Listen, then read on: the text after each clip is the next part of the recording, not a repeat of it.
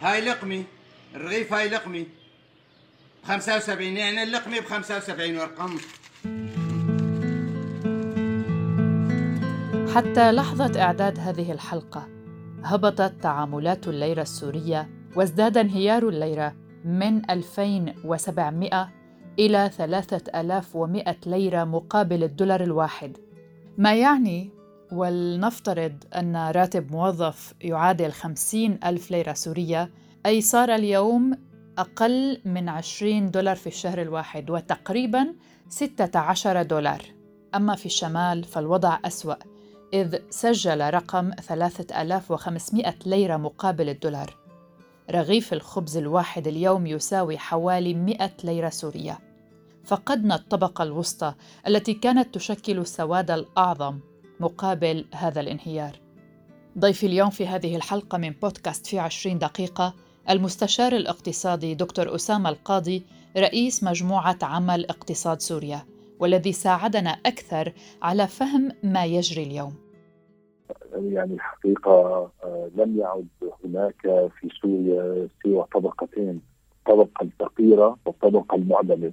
الاقتصاد في سوريا انتهى. كإدارة مركزية منذ أكثر من ست أو سبع سنوات. لم يعد هناك شيء اسمه الاقتصاد السوري. هناك اقتصاد نواحي أقاليم. لا يوجد حقيقة هناك اقتصاد سوري مركزي بعد خروج النفط السوري خارج الإدارة المركزية من منذ 2012 اللي هو كان يشكل ثلث الناتج الدخل القومي نعم. طبعا فضلا عن الزراعة فضلا عن خروج المحافظات آه، على الأقل الثلاثه الشمالية الشرقية الرقز والجو والحسكة اللي هي الثروة الزراعية فيها وهي السله الغذائية السورية وهي الثروة النفطية فيها اللي هو 78 من قطن السوري من هناك و52% من قمحنا من هناك و95% من نفطنا وغازنا من هناك. فضلا عن التدبير و10 مليون خارج سوريا لا يوجد حامل لهذا الاقتصاد السوري. هو واقف على مكياجات سياسات مكياجية. لكن الحقيقة مؤخرا اللي صار الصراع بين رامي مخلوف وبين بشار الأسد ربما يعني يكون بإرادة روسية بدهم يغيروا المشهد الاقتصادي المغترب السوري إنه المنظومة رامي مخلوف يجب أن نستبدلها. هو يحسب رأس النظام إنه المسألة كثير بسيطة وسهلة. ما له خبر إنه هو صار له 20 سنة هيك كل مفاصل الاقتصاد مع منظومه رامي مخلوف يعني بسمع شخصه بالشام القابضة معه 71 رجل أعمال وبسوريا القابضة معه 23 رجل أعمال فضلا عن البقية. يعني في معه تقريبا 100 150 ما بين قوسين رجل أعمال. هن اللي ماسكين مفاصل الاقتصاد السوري. لما أنت بدك تغير رامي مخلوف بده يقوموا هال 100 رجل أعمال يقفزوا من قائد المخلوف لأنه شافوا إنه إذا هو بده يقبضوا عليه ويقبضوا على موظفينه اذا هم بده يفرموهم بده يهرب الرجل فهو جمد أمواله جمد نشاطاته الاقتصادية هرب ما استطاع من تهريبه من الأموال. هذا الصراع صراع أثر جدا لكن الاسوء هو كان المرسوم رقم ثلاثة عام 2020 اللي هو أصدره من شيء حوالي أربع شهور.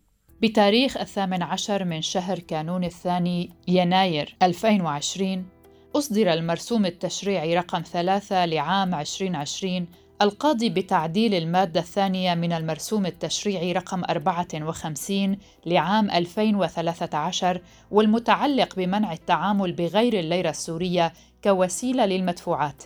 منذ ذلك التاريخ وبناء على أحكام الدستور السوري صدر قرار ينص على أن كل من يخالف يعاقب بالأشغال الشاقة المؤقتة لمدة لا تقل عن سبع سنوات وغرامة مالية بما يعادل مثلي قيمة المدفوعات أو المبلغ المتعامل به أو المسدد أو الخدمات أو السلع المعروضة.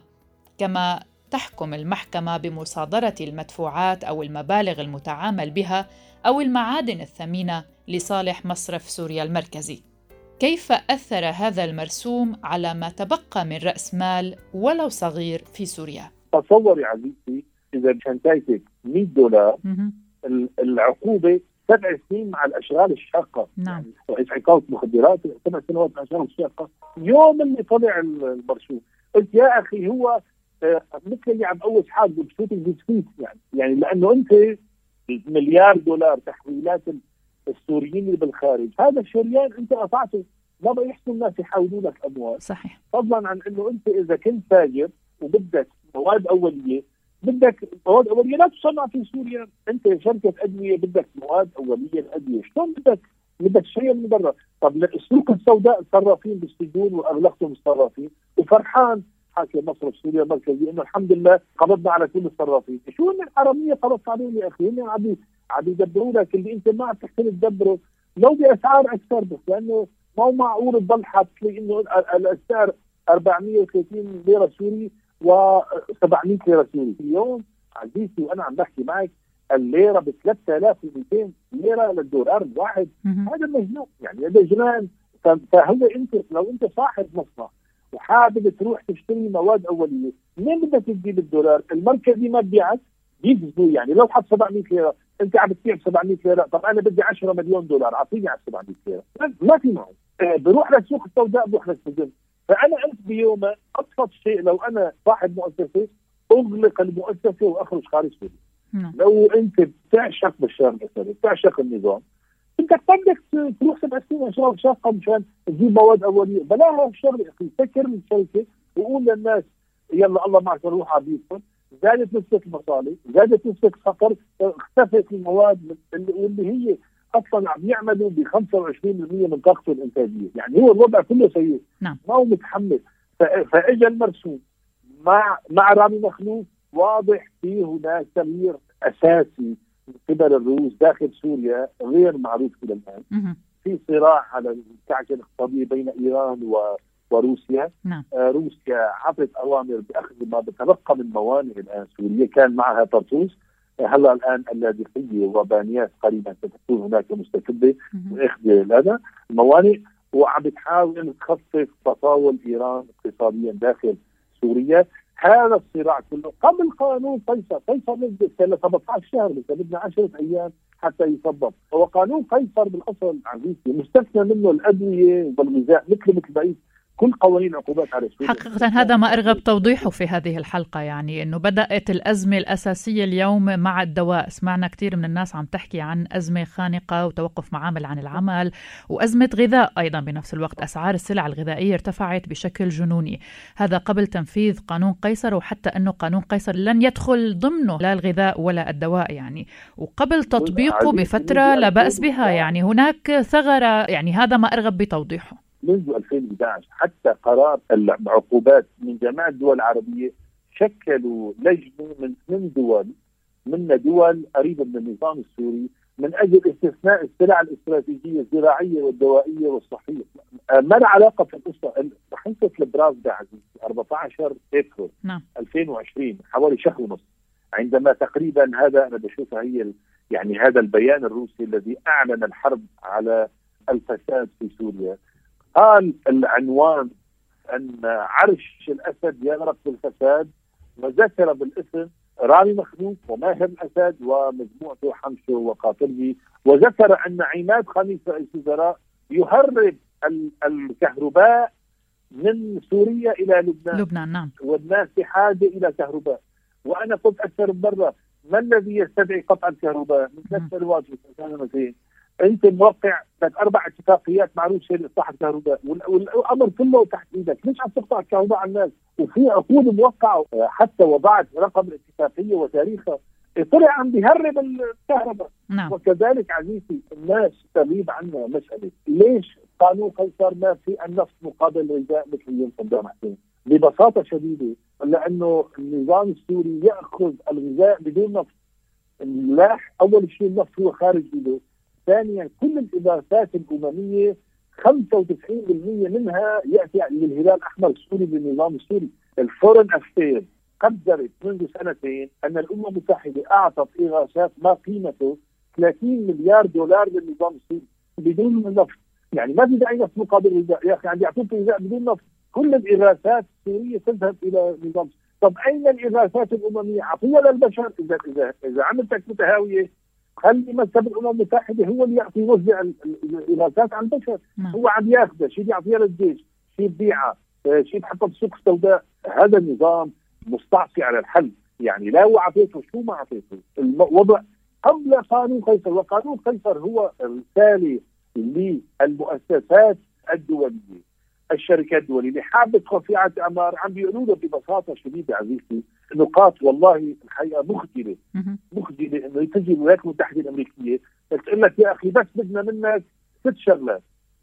على المساجين رجع اللاجئين رجع النازحين فك الحصار عن العالم وخلي الناس تاخذ رزق. تصور إنه يتدخل كسوريين بيننا أمريكا عم تقول له بس لا بقى تقتلهم ورجعوا لبيوتهم. ونحن فورا بنشيل أعد الأمور إلى نصابها. نعم.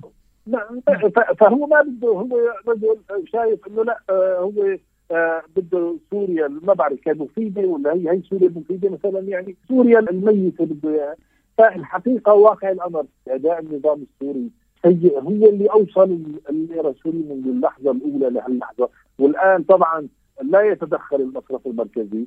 الحكومة يعني عم تشتغل كأنه هي برات التاريخ وبرات الرادار كله وواقع الأمر إنه بهذا التدهور نحن عزيزتي دخلنا في ما يسمى ال hyperinflation هذا التضخم الجامح اللي نعم. دخل فيه الموزمبيق ودخل فيه فنزويلا.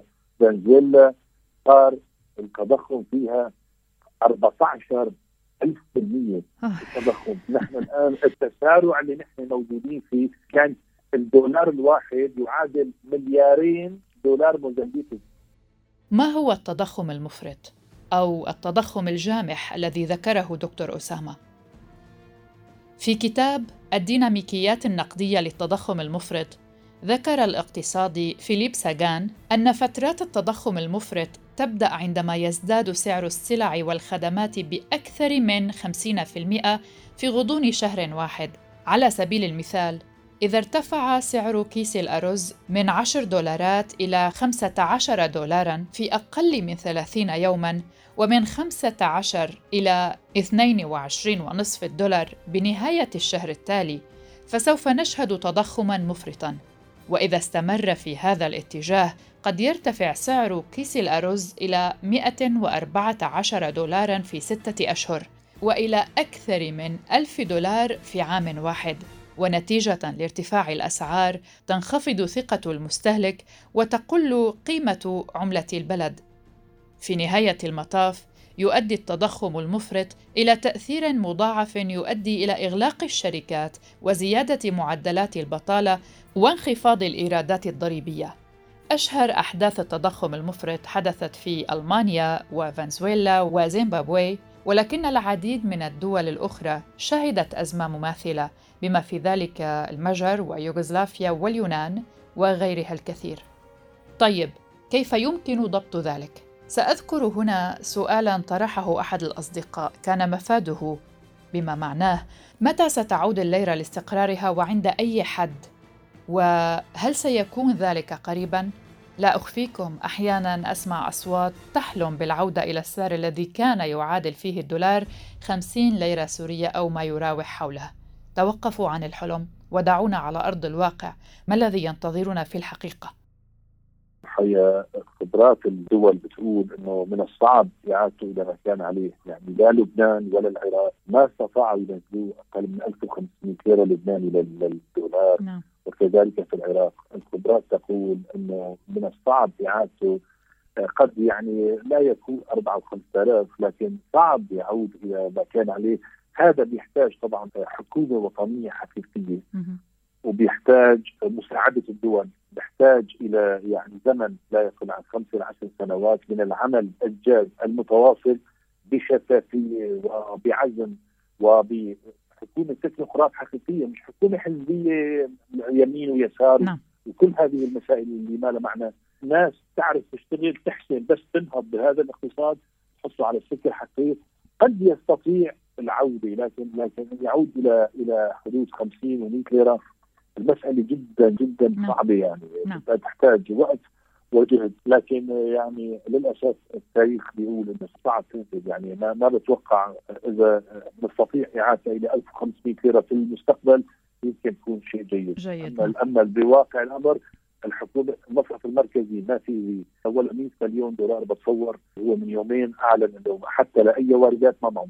يعني يروحوا ما ما ما بده شيء لأنه ما عنده شيء. فاذا لا لا عندك نفط لا عندك تجارة مثل العاده ولا عندك سياحة ولا عندك مدخرات صرفت خلال 11 سنة على قتل واله عسكرية هنا وضرب هناك. وكان المسائل كلها بتنحل بابسط المسائل وإضافة إلى إنه أنت محيد كل سلتك الغذائية ما في ريف ما تصفته طب ما السبب إنه ما بصير الناس اللي بلبنان مليونين واحد يرجعوا لبيوتهم يا أخي؟ امنين يعني مسائل بسيطة.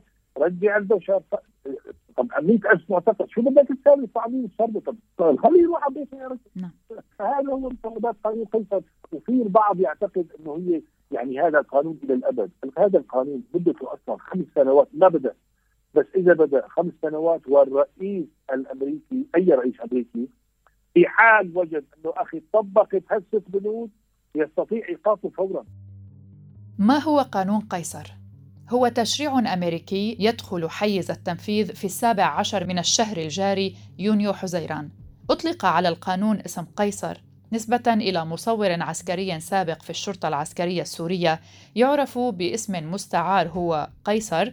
استطاع الهرب من سوريا صيف عام 2013 حاملا معه 55 ألف صورة مروعة تظهر جثثا تحمل آثار تعذيب. هذا التشريع يسعى لتقديم كل المسؤولين عن انتهاكات حقوق الإنسان إلى العدالة أدرج في موازنة الدفاع الأمريكية لعام 2020 لتفادي أي عرقلة جديدة في الكونغرس بعد أكثر من خمس سنوات على كتابته وصياغته. يفرض القانون عقوبات على بشار الأسد ويلاحق الأفراد والشركات التي تمول النظام سواء كانوا سوريين أو أجانب، كما يسمح بتجميد أصولهم ومنعهم من الدخول إلى الولايات المتحدة الأمريكية. ويستهدف القانون المصانع العسكرية والبنى التحتية والمصرف المركزي في سوريا كما يسمح بمعاقبة روسيا وإيران في حال استمرارهما في دعم نظام بشار الأسد ومن شأن القانون أن يزيد الضغط على النظام السوري إذ قد تنسحب شركات روسية متخصصة في الطاقة خاصة وأن سوريا تستورد نحو 60% من احتياجاتها المحلية اليوم من الغاز. ويأتي القانون في وقت يعاني فيه الأسد ضغوطا من حلفائه الروس لا سيما بعد نشر تقارير في صحف مقربة من الكرملين تنتقد طريقة إدارة الأسد للصراع في بلاده. كما تأتي مرحلة تنفيذ القانون في وقت يعاني الأسد أيضا من صراع داخلي بسبب الأزمة مع ابن خاله رجل الأعمال السوري المعروف رامي مخلوف والتي قد تكون جزءا من عملية تصفية حسابات سياسية مع موسكو بهدف الدخول إلى تسوية لحل الأزمة. سألت هنا دكتور أسامة القاضي في حال تطبيق قانون قيصر ما هي التداعيات المحتملة لهذا القانون على المستوى المحلي السوري والعالمي وأيضا على المستوى العربي؟ أكثر يعني الحقيقة أثر علاقة سوريا مع لبنان لأنه هي الحديقة الخلفية صار لبنان نعم.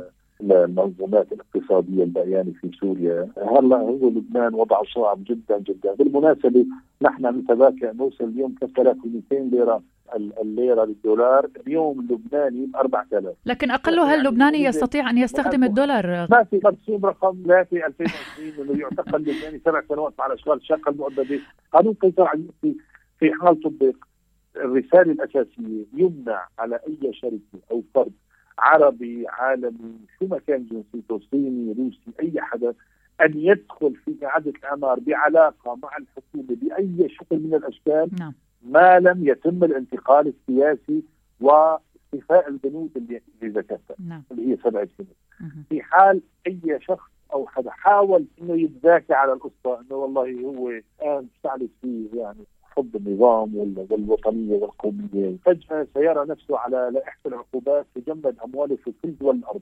نعم. هواوي على سبيل المثال عزيزتي كان المفترض أن تدخل من أجل تأخذ المشغل الخلوي ساعده لايران، هواوي اعتذرت لأنه في عندها العوائد السنة الماضية لهواوي 122 مليار دولار وجودها في 170 دولة مش معقول تعرض حالها لمخاطرة من هالنوع نعم. وتدخل مشان سوق سوريا ما بتجيب لنا مليار دولار بالسنة لأنه بتجمد مشاريعها في 170 دولة. أي شركة محترمة تخاف على حالها إنه تدخل بهالمسألة هي. عربية ولا عالمية. وصار قانون عليه نعم. مجلس النواب والكونغرس ومجلس الشيوخ والرئيس. الجانب الآخر أي بنك موجود في سوريا هناك لوائح يلتزم بها عالميا. مثلا بنك دبلوس في داخل سوريا له فرع. بده يعطي بكل شفافية كل الترانزاكشن والتحويلات والمعاملات اللي صارت مع أي شخص قام بالتعامل مع النظام. هو مفرض عليه. نعم. بنك دبلوس قال لهم يا أخي أنا ما بدي أعطيكم شو سوى محمد حمشو شو أوضاع عندي؟ بنك دبلوس في كل العالم تجمد امواله المخاطرة كبيرة جدا جدا مخيفة. فلذلك لا يستطيع أحد اللعب عليها. طيب والمواطن السوري؟ أنا أتصور عزيزتي يعني أنه قبل 17 الشهر دخول قانون قيصر الليره السوريه قد تتجاوز ال 5000 ليره سوريه وقد تجاوز 6000 سوري وأنا أعتقد أن هذا الانهيار المتسارع جدا يجب أن ينتج تغيير ما داخل سوريا حتى قبل 13 يعني أفهم من كلامك دكتور أسامة أن تطبيق قانون قيصر هو سيكون ورقة الضغط في هذه الفترة أمام النظام السوري للذهاب إلى خيار الحل السياسي بشكل أعجبه أو لم يعجبه.